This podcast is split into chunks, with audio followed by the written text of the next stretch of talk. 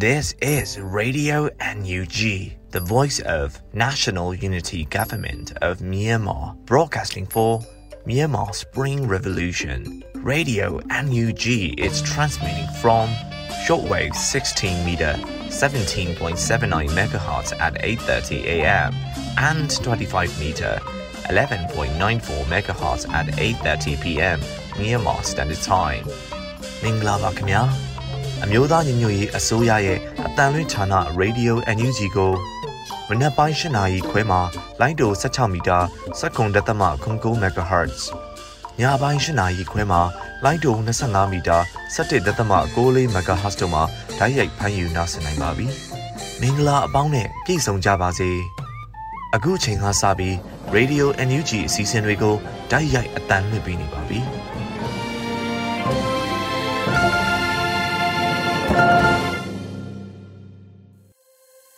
မြန်မာနိုင်ငံသူနိုင်ငံသားအပေါင်းတဘာဝပေးဆရာနာရှင်ပေတို့ကနေကင်းဝေးပြီးကိုစိတ်နှစ်ပါးပေးကင်းလုံခြုံကြပါစေလို့ရေဒီယိုအန်ယူဂျီဖွယ်သားများကဆုတောင်းမြတ်တာပို့သလာရပါတယ်။အခုချိန်ကစပြီးကာကွယ်ရေးဝန်ကြီးဌာနရဲ့စီရေးသတင်းချင်းချုပ်ကိုတော့ဖုံးမြတ်နေဦးမှဖတ်ကြားတင်ပြပေးပါရမရှင်။အမျိုးသားညီညွတ်ရေးအစိုးရကာကွယ်ရေးဝန်ကြီးဌာနမှထုတ်ဝေသောနိုင်စဉ်စီရေးသတင်းအချင်းချုပ်ကိုတင်ပြပေးသွားမှာဖြစ်ပါတယ်။နိုင်စဉ်စီရေးသတင်းအချင်းချုပ်အနေနဲ့ စစ်ကောင်စီတပ်သားကြာဆုံးဥယေမှာ၈ဦးခန့်ရှိပြီး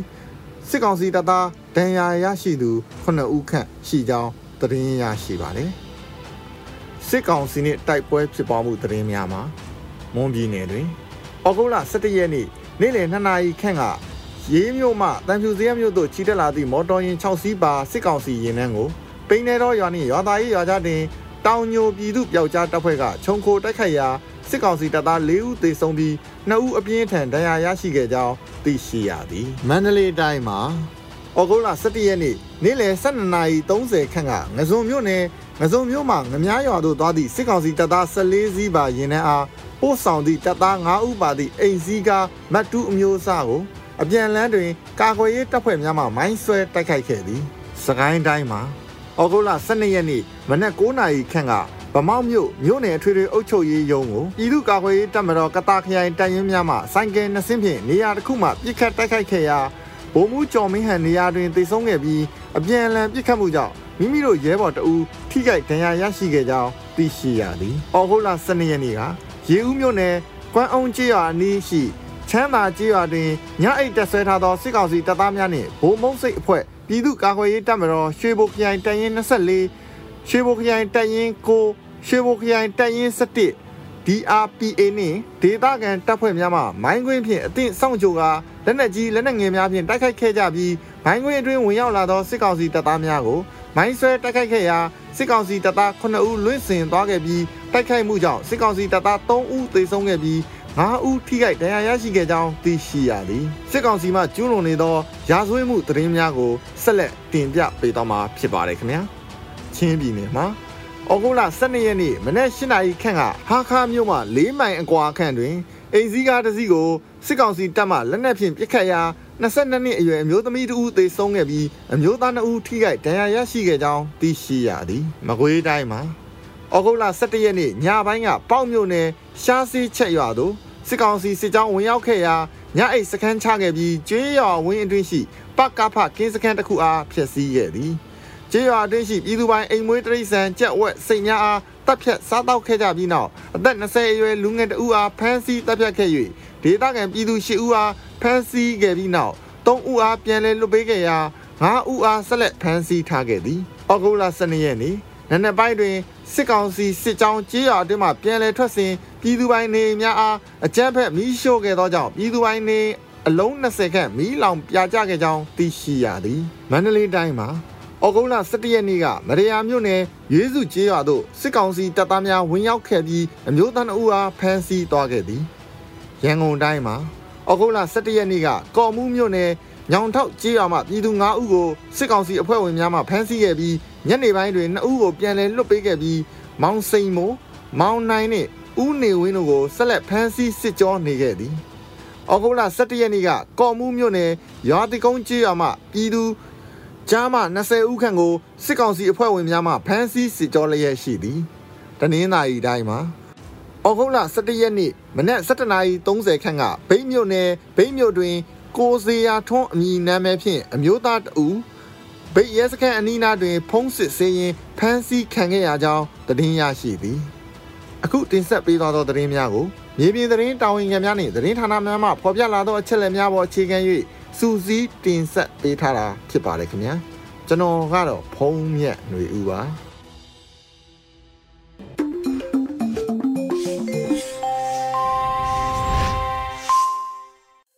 ရေဒီယိုအန်ယူဂျီမှာဆက်လက်တင်ပြနေပါတယ်။အခုဆက်လက်ပြီးနားဆင်ကြမှာကတော့နောက်ဆုံးရသတင်းများကိုရွေဦးမှုမှဖတ်ကြားတင်ပြတာကိုနားဆင်ကြရတော့မှာဖြစ်ပါတယ်ရှင်။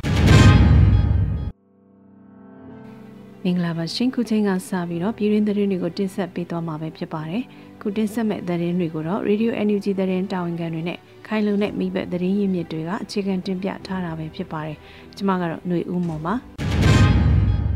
မြန်မာနိုင်ငံရဲ့ငွေကြေးဟာစက်ကူသားသားအစင်မျိုးရောက်တော့မဲ့အခြေအနေဖြစ်လာနေပြီလို့ပြည်ထောင်ဝင်ကြီးဦးလင်ကိုလက်ပြောဆိုလိုက်တဲ့သတင်းကိုဦးစွာတင်ဆက်ပေးပါမယ်မြန်မာနိုင်ငံရဲ့ငွေကြေးဟာစက်ကူသားသားအစင်မျိုးရောက်တော့မဲ့အခြေအနေဖြစ်လာနေပြီလို့ပြည်ထောင်ဝင်ကြီးဦးလင်ကိုလက်က အခုလ12ရက်မှာကျင်းပတဲ့ဒေါ်လန်ထောက်ဖို့တောင်းပိုင်းသို့ဒေါ်လန်ရမုံငွေရှာဖွေရေးအခမ်းအနားမှာပြောကြားခဲ့တာပါ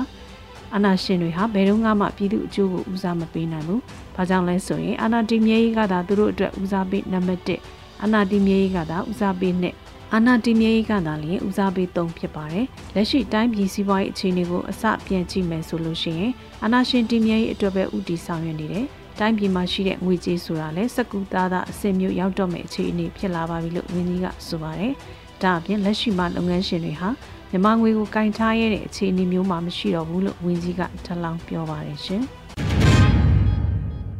ကျန်းဖတ်စစ်တပ်ကိုပြည်ပနိုင်ငံများကငွေမချေးရန်သက်ဆိုင်ရာနိုင်ငံများထံတရားဝင်အသိပေးအကြောင်းကြားမယ်လို့ပြည်ထောင်စုဝန်ကြီးဦးတင်ထွန်းနိုင်ပြောဆိုလိုက်တဲ့တဲ့ရင်ကိုဆက်လက်တင်ဆက်ပေးပါမယ်။ကျန်းဖတ်စစ်တပ်ကိုပြည်ပနိုင်ငံများကငွေမချေးဖို့ သက်ဆိုင်ရာနိုင်ငံများထံတရားဝင်အသိပေးအကြောင်းကြားမယ်လို့စီမံကိန်းဗဏ္ဍာရေးနဲ့ရင်းနှီးမြှုပ်နှံမှုဝန်ကြီးဌာနပြည်ထောင်စုဝန်ကြီးဦးတင်ထွန်းနိုင်ကဩဂုတ်လ12ရက်မှာလူမှုကွန်ရက်မှာပြောဆိုလိုက်ပါတယ်။ပြည်သူအာဏာကိုအကြမ်းဖက်စစ်တပ်ကအာဓမလူယူလိုက်တဲ့2021ခုနှစ်ဖေဖော်ဝါရီလ1ရက်နေ့ကစလို့ဆိုပါအကြမ်းဖက်စစ်တပ်နဲ့တကွအပေါင်းပါလူပုဂ္ဂိုလ်အဖွဲ့အစည်းအသင်းအပေးကုမ္ပဏီများကရယူတဲ့ပြည်တွင်းပြည်ပချင်းငွေတွေကိုလုံးဝအသိမှတ်ပြုမှာမဟုတ်သလိုပြည်သူကျွေးမြီဖြစ်လဲတတ်မှတ်မှာမဟုတ်ကြောင်း ပြည်သူတွေကလည်းပြန်လည်ပေးဆက်မှာမဟုတ်ဘူးဆိုတာကိုပြည်သူ့ကြွေးမြီစီမံခန့်ခွဲမှုဥပဒေကိုတတိယအကြိမ်ပြင်ဆင်တဲ့ဥပဒေဖြစ်တရားဝင်အတည်လင်းထုတ်ပြန်ခဲ့ပြီးဖြစ်ပါတယ်။လက်တလော့နိုင်ငံခြားအရန်ငွေပြက်လက်လူနှိပါဖြစ်နေပြီးကြံရမြဖြစ်နေတဲ့အကြမ်းဖက်စစ်တပ်ကပြည်ပနိုင်ငံတချို့ကနေချင်းငွေရယူဖို့ကြိုးစားနေတာကြားသိမြင်တွေ့နေရတဲ့အတွက်သက်ဆိုင်ရာနိုင်ငံများထံထပ်မံတရားဝင်အသိပေးအကြောင်းကြားသွားပါမယ်လို့ဝန်ကြီးကဆိုပါတယ်။ဒါအပြင်နိုင်ငံခြားရေးဝန်ကြီးဌာနနဲ့အတူပူးပေါင်းပြီးသက်ဆိုင်ရာနိုင်ငံခြားတိုင်ယုံများထံ NGO အစိုးရကပြဋ္ဌာန်းထုတ်ပြန်ထားတဲ့ဥပဒေကိုထပ်လောင်းပေးပို့ရင်းဂျမ်မစစ်တပ်နဲ့ကင်းကင်းရှင်းရှင်းနေကြဖို့လည်းအသိပေးကြောင်းကြရန်စီမံဆောင်ရွက်လျက်ရှိပါတယ်လို့ဝန်ကြီးကထပ်လောင်းပြောကြားပါတယ်ရှင်။ကမ္ဘာဖဲချင်းခံလူသားတွေအဖြစ်တကားပိတ်တဲ့စစ်ကောင်စီဖြစ်သွားပြီလို့ပြည်ထောင်စုဝန်ကြီးဒေါက်တာဇော်ဝေဆိုပြောကြားတဲ့အကြောင်းအရာကိုဆက်လက်တင်ဆက်ပေးပါမယ်။ ကမ္ဘာအဖဲချင်းခန့်လူသားတွေဖြစ်တကားပိတ်တဲ့စစ်ကောင်စီဖြစ်သွားပြီလို့ပြည်ထောင်စုဝန်ကြီးဒေါက်တာဇော်ဝေစုကပြောကြားလိုက်ပါတယ်။အခုလ12ရက်ကျင်းပတဲ့တော်လန်ထောက်ပို့တောင်းပိုင်းသို့တော်လန်ရမငွေရှာဖွေရေးကန်ဆယ်မဲ့ဖွင့်ပွဲခန်းနာမှာပညာရေးနဲ့ကျန်းမာရေးပြည်ထောင်စုဝန်ကြီးဒေါက်တာဇော်ဝေစုကဆိုလိုက်တာပါ။နိုင်ငံတကာရဲ့ဖိအားကိုရနိုင်တဲ့လောက်ရအောင်ဆောင်ရွက်တဲ့အတွက်လဲစစ်ကောင်စီဟာကြောင်းပိတ်မိနေပြီဆိုတာအလုံးအသိပဲဖြစ်ပါတယ်။ကြောင်းပိတ်မိနေတဲ့အတွက်နောက်ဆုံးသူတို့ဟာမဖြစ်နိုင်တဲ့နီးကိုရွေးသွားပြီဖြစ်ပါတယ်။ တကားပိတ်တဲ့စစ်ကောင်စီဖြစ်သွားပြီဖြစ်ပါတယ်။ကပ္ပရဲ့အဖေအချင်းခံလူသားတွေဖြစ်သွားပါပြီလို့ဝန်ကြီးကဆိုပါတယ်။လက်ရှိမှာစစ်ကောင်စီဟာအာဆီယံအစည်းအဝေးများကိုလည်းတက်ရောက်ခွင့်မရှိပဲနိုင်ငံတကာအရေးယူပိတ်ဆို့မှုဒဏ်ခတ်ခြင်းများကိုအလူအလဲခံနေရပါတယ်ရှင်။92နှစ်မြောက်ကရင်အာဇာနည်နေ့အခမ်းအနားသို့ NUG အစိုးရပြည်ထောင်စုဝန်ကြီးနဲ့ဒူဝန်ကြီးတက်ရောက်တဲ့တရင်ကိုဆက်လက်တင်ဆက်ပေးပါအောင်မယ်။ 82နှစ်မြောက်ကရင်အာဇာနည်နေ့အခမ်းအနားသို့ NUG အစိုးရပြောင်းစုဝန်ကြီးနဲ့ဒူဝန်ကြီးတို့တက်ရောက်ခဲ့ကြပါတယ်။အောက်တိုဘာ12ရက်ကျင်းပတဲ့82နှစ်မြောက်ကရင်အာဇာနည်နေ့အခမ်းအနားသို့ပြည်ထောင်စုဝန်ကြီးနော်ဆူဇနာလှလှဆိုနဲ့အလို့သမားဒူဝန်ကြီးဦးကျော်နေတို့တက်ရောက်ခဲ့ပါတယ်။အောက်တိုဘာ12ရက်ကြာရောက်တဲ့ကရင်အာဇာနည်နေ့သို့တက်ရောက်မှာစကားပြောကြားခဲ့ပါတယ်လို့ဝန်ကြီးနော်ဆူဇနာလှလှဆိုကဆိုပါတယ်။ခမ်းနားသို့မြို့သားညီညွတ်ရေးအစိုးရရဲ့ပန်းချင်းလဲပေးပို့ခဲ့ပါတယ်ရှင်။ ဘူးတလင်းမြို့နယ်မှာမြို့သားညီညွတ်ရေးအစိုးရ NUG ရဲ့လမ်းညွှန်မှုဖြင့်ပညာရေးကျုံစုပေးပွဲကျင်းပတဲ့တဲ့ရင်ကိုလည်းတင်ဆက်ပေးပါမယ်။စကိုင်းတိုင်းပူတလေမြို့နယ်မှာမြို့သားညီညွတ်ရေးအစိုးရ NUG ရဲ့လမ်းညွှန်မှုနဲ့ပညာရေးကျုံစုပေးပွဲကိုအောက်တိုဘာ7ရက်မှာကျင်းပခဲ့ပြီးတော့ဆရာနဲ့မိဘများကျောင်းသားကျောင်းသူများလည်းတက်ရောက်ခဲ့ပါတယ်။ပူတလင်မြို့နယ်မှာမြို့သားညီညွတ်ရေးအစိုးရ NUG လမ်းညွှန်မှုပြည်သူပညာရေးကျောင်းများဖွင့်လှစ်လျက်ရှိပါတယ်။ပူတလင်မြို့နယ်မှာပြည်သူအခြေပြုအခြေခံပညာစာသင်ကျောင်းများဖွင့်လှစ်သင်ကြားပြီး လဘဆောင်ပွဲများပြုလုပ်ပြီးတော့ပညာရေးကျုံစုပေးပွဲအခမ်းအနားများကိုကျင်းပခဲ့ခြင်းဖြစ်ပါတယ်ရှင်။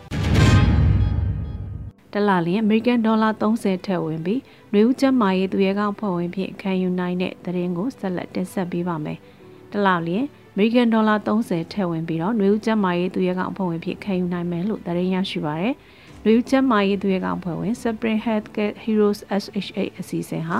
ကျန်းမာရေးစောင့်ရှောက်သူမှကျန်းမာရေးစောင့်ရှောက်သူတို့ ကူညီစောင့်ရှောက်မယ့်အစီအစဉ်ဖြစ်ပါတယ်။တော်လိန်ကာလရှေ့တမှာယူချွန်ချွန်တိုက်ပွဲဝင်နေကြတဲ့တော်လိန်ရဲဘော်များနဲ့စေဘေးရှောင်ပြည်သူများကိုပင်ပန်းစီရဲခံပြီးတသားတည်းစေကူတာမှုပေးလျက်ရှိတဲ့ကျမကြီးသူရဲကောင်းဝန်ထမ်းများကိုကူညီဆောင်ရှောက်မဲ့အစီအစဉ်ဖြစ်ပါတယ်။ SHH ဟာ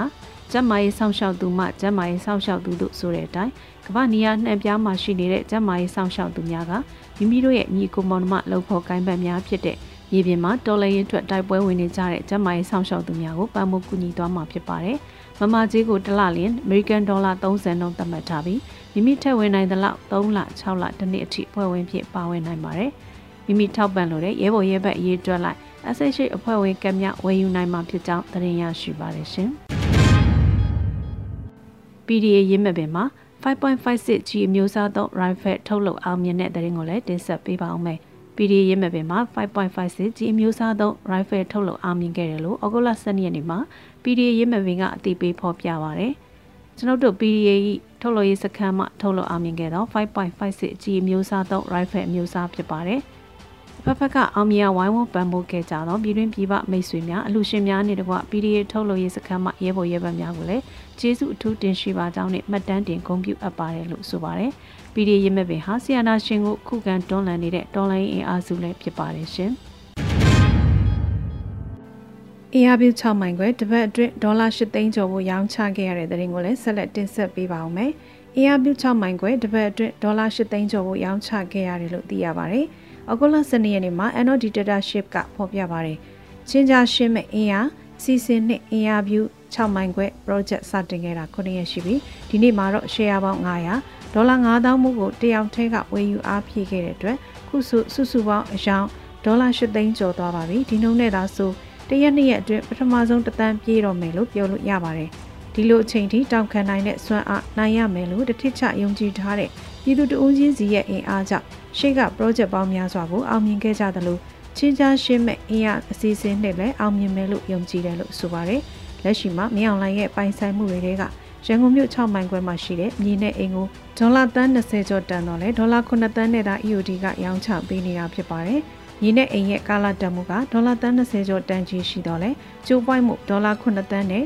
finisher right ကိုအစု share အနေနဲ့တစုကိုဒေါ်လာ100နဲ့ share ပေါင်းက9000တိတိကိုရောင်းချပေးသွားမှာဖြစ်ပါတယ်ရှင်။တပြင်းမြို့နယ်မှာကြေးရွာပေါင်းရှီရွာမှလူသားတိုင်းဖြစ်စစ်ကောင်စီတပ်များဖမ်းဆီးခေါ်ဆောင်သွားတဲ့ရဲသား90ကျော်လူမြောက်ခြင်းမရှိသေးတဲ့တရင်ကိုလည်းတင်ဆက်ပေးပါောင်းမယ်။စကိုင်းတိုင်းတပြင်းမြို့နယ်မှာကြေးရွာပေါင်းရှီရွာမှ လူသားတိုင်းဖြစ်စစ်ကောင်စီတပ်များဖမ်းဆီးခေါ်ဆောင်သွားတဲ့ရဲသား90ကျော်လူမြောက်ခြင်းမရှိသေးဘူးလို့သတင်းရရှိပါရယ်။အခုလ7ရက်မှာတပြင်းမြို့နယ်ညီနောင်များအဖွဲ့ကဖော်ပြပါရယ်။အခုလ3ရက်နေ့မှစတင်ပြီးလူသားတိုင်းဖြစ်ဖမ်းဆီးခံကြရတဲ့ဖရဲအတွက်အင်းပင်ရတဲ့နဂါးဘူးရင်းတက်ကြီးလျှော်ပြူကိုင်းကန်နဲ့လက်လှုံမှပြည်သူစုစုပေါင်း90ကျော်အားလူသားတိုင်းဖြစ်ဖမ်းဆီးပြီးစစ်ကြောင်းတို့ဟာအခုကဖမ်းဆီးခံရသူများပြန်မလွတ်ပဲရေဦးမြို့သို့ခေါ်ဆောင်သွားကြောင်းသိရပါတယ်လို့ဆိုပါတယ်။ဒါအပြင်စစ်ကောင်စီတပ်တွေဟာ ညောင်လကြေးရွာတွင်စစ်ကြောင်းနဲ့တဲ့တဲ့တို့ပြီးဘူရုံကုန်းကြေးရွာကကိုကျော်စင်ဦးကိုစိုက်ကဲနဲ့လူတွဲလျက်အကျိုးတုတ်ကမီးရှို့တပ်ဖြတ်ခဲ့ပါတယ်။အလားတူညောင်လကြေးရွာပြည်သူတဦးမှလည်းစစ်ကြောင်းနဲ့တဲ့တဲ့တို့ပြီးတော့ရင်ကျေးနောက်တော့လက်လေကွင်းတနေရာမှာပြစ်တက်ခံရပြီးသေဆုံးခဲ့ရပါတယ်။တပင်းမြို့နယ်အတွင်းစစ်ကြောင်းထုတ်မိရှုဖျက်ဆီးခံရမှုကြောင့်ခြေရွာ30ကျော်မှာပြည်သူနေအိမ်1500ကျော်မိလောင်ဆုံးရှုံးခဲ့ရပါတယ်ရှင်။ ဗမာ PDF နဲ့ပကဖများမှမြို့နယ်ထွေအုပ်ရုံးကိုဝင်ရောက်တိုက်ခိုက်ခဲ့ရာဗိုလ်မှူးကျော်မင်းဟန်နေရာတွင်တေဆုံးသွားတယ်ဆိုတဲ့သတင်းကိုဆက်လက်တင်ဆက်ပေးပါမယ်။ဗမာ PDF နဲ့ပကဖများမှမြို့နယ်ထွေအုပ်ရုံးကိုဝင်ရောက်တိုက်ခိုက်ခဲ့ရာဗိုလ်မှူးကျော်မင်းဟန်နေရာမှာတေဆုံးခဲ့တယ်လို့ဗမာတော်လေးအင်အားစုကဆိုပါတယ်။အခုလ12ရက်မနက်9:00နာရီမှာမြို့နယ်ထွေအုပ်ရုံးကိုဝင်ရောက်တိုက်ခိုက်ခဲ့တာလို့ဗမာတော်လေးအင်အားစုကဖော်ပြပါတယ်။အခုလ12ရက်မနက်9:00နာရီတွင်ဗမာ PDF ပကဖများမှ မြို့နယ်ထွေအုပ်ရုံးတို့ဝင်ရောက်တိုက်ခိုက်ခဲ့ရာဗိုလ်မှူးကျော်မင်းဟန်နေရာတွင်တည်ဆုံသွားကြောင်းသတင်းရရှိပါတယ်လို့ဆိုပါတယ်။ပြန်လည်ပစ်ခတ်မှုများကြောင့်ပြည်သူ့ကာကွယ်ရေးတပ်များဘက်မှတယောက်တင်မားနဲ့ဖနောက်ကြီးထိတန်ရမစိုးရင်ရရရှိခဲ့တယ်လို့သိရှိရပါတယ်ရှင်။တန်လီမြို့ထမလုံရက်ကွက်ဂိတ်ဝမှတ်တိုင်နာရှိအကြံဖက်စစ်ကောင်စီတပ်ဆွဲထားတဲ့ဆက်သွေးရုံးကိုဖောက်ခွဲတိုက်ခိုက်တဲ့တဲ့ရင်ကိုလည်းတင်ဆက်ပေးပါဦးမယ်။ ရန်ကုန်တိုင်းတန်လီမြို့ထမလုံရက်ကွက်ဂိတ်ဝမှတ်တိုင်နာမှာရှိတဲ့အကြံဖက်စစ်ကောင်စီတပ်ဆွဲထားတဲ့ဆက်သွေးရုံကိုဖောက်ခွဲတိုက်ခိုက်ခဲ့တယ်လို့သိရပါတယ်။အောက်တိုဘာ12ရက်ည9:00နာရီခွဲမှာတန်လီမြို့ထမလုံရက်ကွက်ဂိတ်ဝမှတ်တိုင်နာရှိဂျမ်ဖက်စစ်တပ်တပ်ဆွဲထားသောဆက်သွေးရုံကိုလက်ပြေပုံးပစ်သွင်းခဲ့တယ်လို့ So Takers ရန်ကုန် Underground Force မှဆိုပါတယ်။ကျွန်တော်တို့ So Takers ရန်ကုန် Underground Force မှာ ယနေ့ဩဂုတ်လ12ရက်ည9:00နာရီခွဲတွင်တန်လီမြို့ထမလုံရက်ကွက်ဂိဝမတိုင်နာရှိဂျမ်ဖတ်စစ်တပ်တပ်ဆွဲထားသောဆက်သွေးရုံးကိုလက်ပစ်ပုံးပစ်သွင်းတိုက်ခိုက်ခဲ့ပါတယ်လို့ဆိုပါတယ်။လက်ပစ်ပုံးမှာလည်းရုံတွင်းသို့ရောက်ရှိပောက်ကွဲသွားပြီးအလျင်မြန်ပြန်လည်ဆုတ်ခွာလာသည့်အတွက်သေဆုံးထိခိုက်မှုအသေးစိတ်ကိုတော့အတည်ပြုနိုင်ခြင်းမရှိသေးဘူးလို့ဖော်ပြပါတယ်။ယခုချိန်တွင်မစ်ရှင်ကိုအောင်မြင်စွာဆောင်ရွက်ခဲ့ပြီးရဲဘော်အားလုံးလုံခြုံတဲ့နေရာသို့ဆုတ်ခွာနိုင်ခဲ့တယ်လို့သတင်းရရှိပါတယ်ရှင်။ ခုတင်ပြပေးခဲ့တဲ့သတင်းတွေကိုတော့ Radio Energy သတင်းတောက်မင်းမင်းကပေးပို့ထားတာပဲဖြစ်ပါတယ်ရှင်။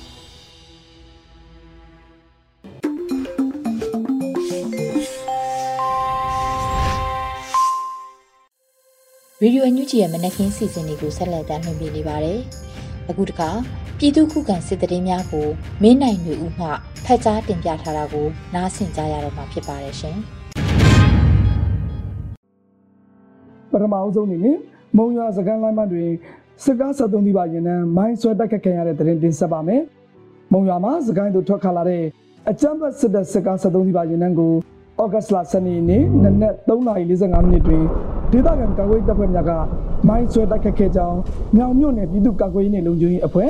CDSON တပ်ဖွဲ့ထံမှသိရပါဗျ။အကြမ်းဖက်စစ်တပ်ရင်နှံကိုဘုံမကြီးကင်းနဲ့ခွေးပင်တော်ကြေးရကြားတွင်ပရိသာမိုင်းလေးလုံးဖြင့်တစ်ချိန် မိုင်းတဲမမနှလုံးဖြင့်တစ်ချိန်ဖောက်ခွဲတိုက်ခတ်ခဲ့ပြီးရင်နှံရဲ့၃စီးမြောက်၄စီးမြောက်နဲ့၉စီးမြောက်ကားတို့ကိုချိမှန်က စစ်သားပြည်စုံမှုအရေးအတွက်ကိုအတိမပြုနိုင်သေးဘူးလို့ဒေသသတင်းရင်းမြစ်များကဆိုပါတယ်။ဆက်လက်တင်ဆက်မှာကတော့ KNU တပ်မဟာ3မုံမြို့နယ်အတွင်းတိုက်ပွဲလေးတွေဖြစ်ပွားပြီးစစ်သား12ဦးသေဆုံးတဲ့တဲ့မှာ KNU သားစီယုံ KNU တပ်မဟာ3စီမံအုပ်ချုပ်နယ်မြေညောင်လေးပင်ခရိုင်မုံမြို့နယ်အတွင်းအကြမ်းဖက်စစ်တပ် KNU တပ်ရင်းရှိကြဩဂတ်လ9ရက်6ရက်နေ့10ရက်နေ့တို့တွင်တိုက်ပွဲလေးချိန်ဖြစ်ပွားပြီးအကြမ်းဖက်စစ်တပ်ဘက်မှအရာရှိတအုပ်အပါအဝင်12ဦးသေဆုံးကဒဏ်ရာရရှိသူများရှိကြောင်း KNU ကတရားဝင်သတင်းထုတ်ပြန်ထားပါတယ် မုံမြို့နယ်တဲဘောနေကင်းမြရဲ့ကြည်ရကြတွင်အကြမ်းဖက်စစ်တပ်နှင့်ကန်နနီတရင်ရှိကြအောက်ကလာစိန်းနေနက်နက်9နာရီနဲ့10နာရီ10မိနစ်တွင်တိုက်ပွဲနှစ်ကြိမ်ဖြစ်ပွားခဲ့ပြီးစစ်ကောင်စီဘက်မှ9ဦးသေဆုံးကဒဏ်ရာရရှိသူများရှိကြောင်း KNU ကထုတ်ပြန်ထားတာပါ။ဩဂတ်စ်လ9ရက်နေ့နဲ့6ရက်နေ့တို့တွင်လည်းထိတဲ့တိုက်ပွဲနှစ်ကြိမ်ဖြစ်ပွားခဲ့ပြီးစစ်ကောင်စီဘက်မှအရာခံဘူတအုပ်အပါအဝင်3ဦးသေဆုံးခဲ့ကြောင်း KNU ဘက်မှထိခိုက်မှုမရှိကြောင်းသိရှိရပါတယ်။ ဆက်လက်တင်ဆက်မှာကတော့ရေဦးမြို့နယ်ကိုအောင်ကျွာတွင်စစ်ကောင်စီတပ်ဖွဲ့တိုက်ခတ်ခံရပြီးစစ်အုပ်ဝင်ကျင်တေဆုံးတဲ့တဲ့မှာရေဦးမြို့နယ်ကိုအောင်ရွာအနီးတွင်အကြမ်းဖက်စစ်ကောင်စီတပ်ဖွဲ့ကိုယနေ့ဩဂတ်စ်လ12ရက်နနက်9:50မိနစ်တွင်ဒေသကာကွယ်တပ်များကမိုင်းများဖောက်ခွဲတိုက်ခတ်ခဲ့ခြင်းလက်နက်ကြီးများလက်နက်ငယ်များဖြင့်ပစ်ခတ်တိုက်ခတ်ခဲ့ခြင်းကြောင့်စစ်သား10ဦးတေဆုံးကြောင်းသတင်းရရှိပါသည်။အင်အားပြ20ခန်းရှိတဲ့အဆိုပါစစ်ကောင်စီတပ်ဖွဲ့ဟာချမ်းမာရွာတွင်ညာအီဒီနောက်ကိုအောင်ရွာဘက်သို့ထွက်ခါလာခြင်းတိုက်ခတ်ခံရခြင်းဖြစ်ကမိုင်းခွဲတိုက်ခတ်ခံရမှုကြောင့်9ဦးတေဆုံးခဲ့ပြီးလက်နက်ကြီးလက်နက်ငယ်များဖြင့်ပြစ်ခတ်ခံရမှုကြောင့်၃ဦးသေဆုံးခဲ့ခြင်းဖြစ်ကြောင်းဒေသခံကာကွယ်တပ်ဖွဲ့တစ်ခုဖြစ်တဲ့ဘုံမိုးစိတ်အဖွဲ့ကသတင်းထုတ်ပြန်ပါတယ်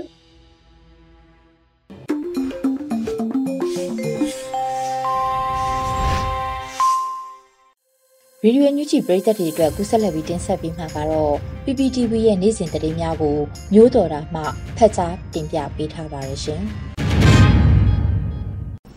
အခုချိန်ကစပြီး PPTV သတင်းတွေကိုတင်ဆက်ပေးတော့မှာပါ။ ကျမမျိုးတော်တာပါပပထမဆုံးတင်ဆက်ပေးမှာကတော့ပြည်ထောင်စုလွှတ်တော်ကိုစားပြုကော်မတီက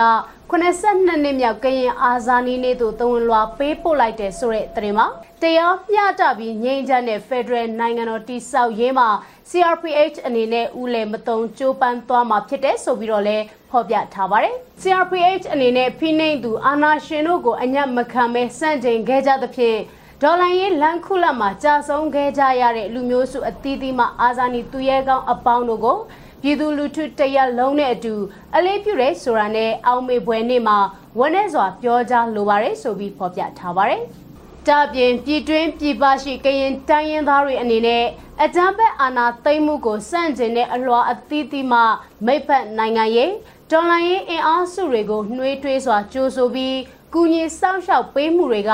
တော်လှန်ရေးအောင်မြင်ရန်အတွက်ကြီးမားတဲ့တွန်းအားတရဖြစ်တဲ့ဆိုတာကိုပြည်သူလူထုတရက်လုံးကိုစားကျေးဇူးတင်စွာမှတ်တမ်းတင်အပ်တဲ့ဆိုပြီးတော့လည်းဖော်ပြထားပါတယ်။စစ်အုပ်စုကအမျိုးမျိုးဖိနှိပ်နေတဲ့အတိုင်းတော်လှန်ရေးကြီးယနေ့အချိန်ထိအတွင့်ရှည်ပြီးအားကောင်းနေတာကတော်လှန်ရေးအင်အားစုတွေရဲ့ညီညွတ်မှုကြောင့်ဖြစ်တယ်လို့သဝန်လွှာထဲမှာဖော်ပြထားပါတယ်။ကရင်တိုင်းရင်းသားတွေအနေနဲ့ကရင်ပြည်ရဲ့လွတ်လပ်ခွင့်တန်းတူညီမျှခွင့် ကိုပိုင်ပြဋ္ဌာန်းခွင့်တို့အတွက်တိုက်ပွဲဝင်ခဲ့ကြတာဟာနှစ်ပေါင်း80ကျော်ပင်ကြာခဲ့ပြီဖြစ်သလိုယနေ့ကကရင်တိုင်းရင်းသားများဖိနှိပ်ခံဘဝမှလွတ်မြောက်ရေးအတွက်အစဉ်တစိုက်ကြိုးပမ်းခဲ့ကြရင်ကြာဆုံးသွားခဲ့ကြသူစောဘဦးကြီးတို့နဲ့တကွ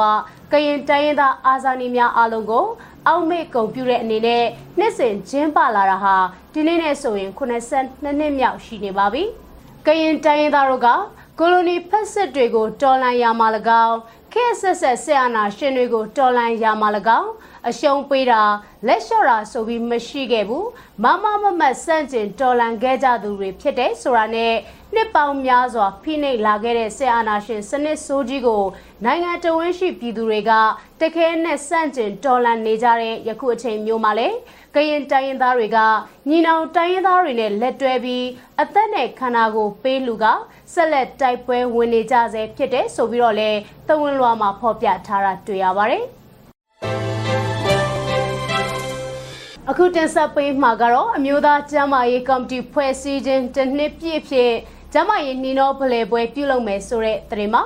အမျိုးသားကျန်းမာရေးကော်မတီ National Health Committee မြန်မာဖွဲ့စည်းခြင်းတစ်နှစ်ပြည့်အထိမ်းအမှတ်အဖြစ်ကျမရေးနှီးနှောပလဲပွဲကိုစက်တင်ဘာလ9ရက်နေ့ကနေ9ရက်နေ့အထိ9ရက်အကြာပြုလုပ်သွားမှာဖြစ်ပါတယ်။ Federal ကျမရေးစနစ်ဖော်ဆောင်ရန်အမျိုးသားကျမရေးနှင်းတော်ဖလဲပွဲကိုအမျိုးသားကျမရေးကော်မတီ NHC အမျိုးသားညွရေးအစိုးရ ကျမရေးဝန်ကြီးဌာနနဲ့ကျမရေးဆိုင်ရာပေါင်းစပ်ညှိနှိုင်းရေးကော်မတီ JCC Health တို့ပူးပေါင်းလှုပ်ဆောင်ကြတာပါ။ဒါ့အပြင်စာတန်းစုဆောင်စစ်ဆေးရေးကော်မတီအနေနဲ့ကျမရေးနဲ့သက်ဆိုင်တဲ့ပြည်တွင်းပြည်ပပညာရှင်များထံမှစာတမ်းတွေကိုဖိတ်ခေါ်စီစစ်ပြီးနှီးနှောဖလှယ်ပွဲဖြစ်မြောက်ရေးကော်မတီထံ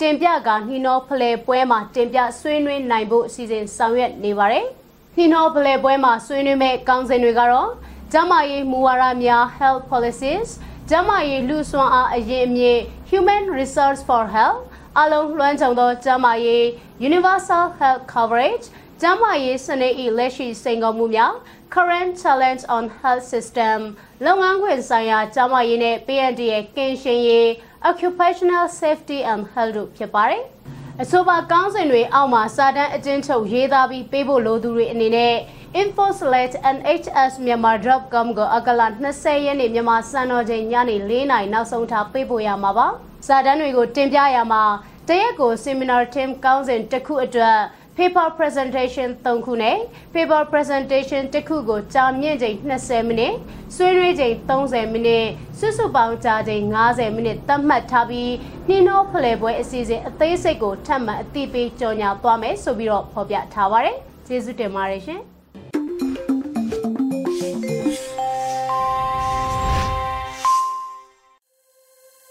အခုဆက်လက်ပြီးနားဆင်ကြရမှာကတော့တိုင်းရင်းသားဘာသာစကားနဲ့သတင်းထုံးလွှင့်မှုအနေနဲ့ချိုးချင်းဘာသာစကားခွဲတစ်ခုဖြစ်တဲ့ဒိုင်ဘာသာဖြစ်သတင်းထုံးလွှင့်မှုကိုနားဆင်ကြရမှာဖြစ်ပါတယ်။ဒီစီစဉ်ကို Radio NUG နဲ့ချိုးချင်းဘာသာစကားထုံးလွှင့်မှုဖွဲ့တို့ကပူးပေါင်းတင်ဆက်ထားတာဖြစ်ပါတယ်ရှင်။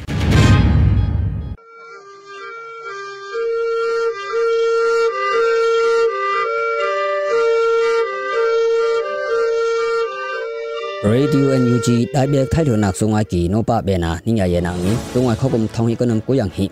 คุยนคาอัมทำขลิกทุมขึ้นสู่มาตึงหงยากาทางไอซุนกีได้สลายนอกันิยามเทลอกขยากากีอักษกา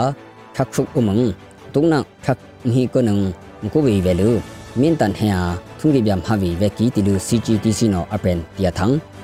อังหินากา recordang tungna ka turia pu mu jing pu kia jesam ha thi ki ha kham lu a tungna athon wai nu ki ya thang athum na ga pdf tu pop pu tun e wai ti lu se sa pu no apen tia thang imco no pu khong lu min tam lu he phu kam cham na yo ki sukdum us dollar thom ha anim kha o tia thang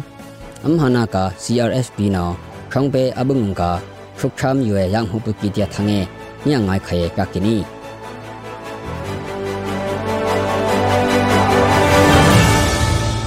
kum thongi kanam ku yang hi siksu khaya du bi khang lak umang khoya se sapu ang laka tungna khang hi kanam ku wi value se sapu da khako kanam athum ki khu thiki cgtc da makip yak thum thiki tilu cgtc no khoi no kha halayam thopung thang anik pa ka ki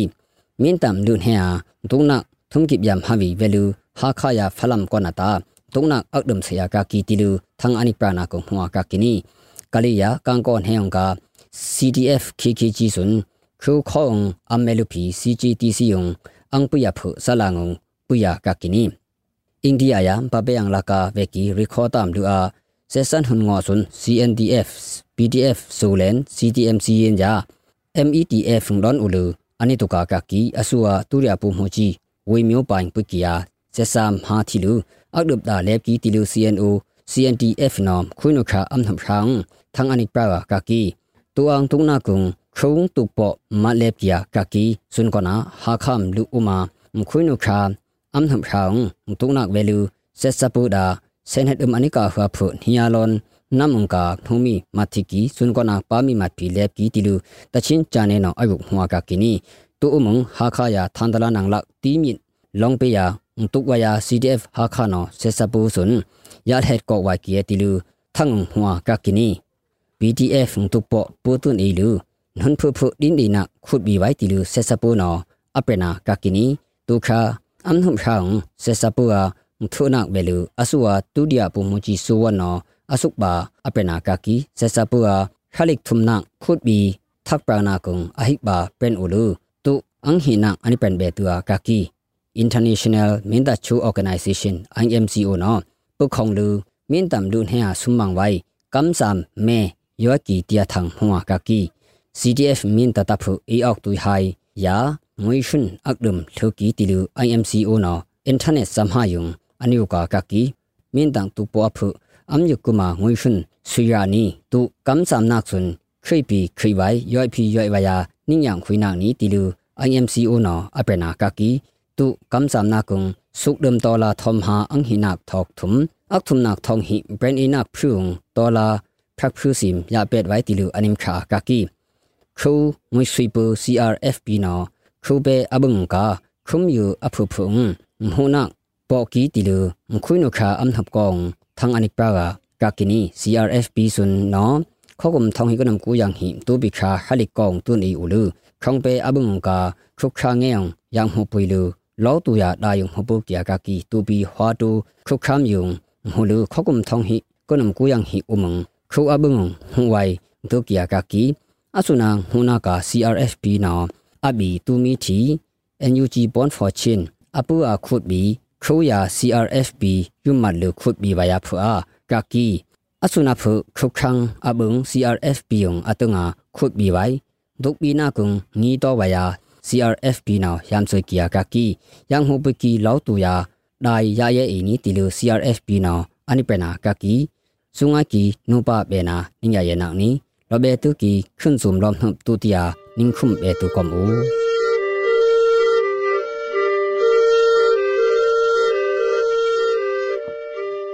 ဒီကနေ့ကတော့ဒီညနေပဲ Radio NUG ရဲ့အစည်းအဝေးတွေကိုခਿੱတရရနိုင်ပါမယ် မြန်မာစံတော်ချိန်မနက်၈နာရီခွဲနဲ့ည၈နာရီခွဲအချိန်တွေမှာပြန်လည်ဆုံးဖြတ်ကြပါစို့ Radio NUG ကိုမနက်ပိုင်း၈နာရီခွဲမှာလိုင်းဒို16မီတာစက္ကန့်တသမ9 MHz ညပိုင်း၈နာရီခွဲမှာလိုင်းတုံ25မီတာ17.6 MHz တို့မှာဓာတ်ရိုက်ဖမ်းယူနားဆင်နိုင်ပါပြီမြန်မာနိုင်ငံသူနိုင်ငံသားများကိုယ်စိတ်နှပြကျန်းမာချမ်းသာလို့ဘေးကင်းလုံခြုံကြပါစေလို့ Radio NUG အဖွဲ့သူအဖွဲ့သားများကဆုတောင်းလိုက်ရပါတယ်။အမျိုးသားညီညွတ်ရေးအစိုးရရဲ့စက်သွေးရေးတရင်အချက်အလက်နဲ့ဤပညာဝန်ကြီးဌာနကထုတ်လွှင့်နေတဲ့ Radio NUG ဖြစ်ပါတယ်။ San Francisco Bay Area အခြေစိုက်မြန်မာမိသားစုများနဲ့နိုင်ငံတကာကစေတနာရှင်များလှုပ်အားပေးများရဲ့ Radio NUG ဖြစ်ပါတယ်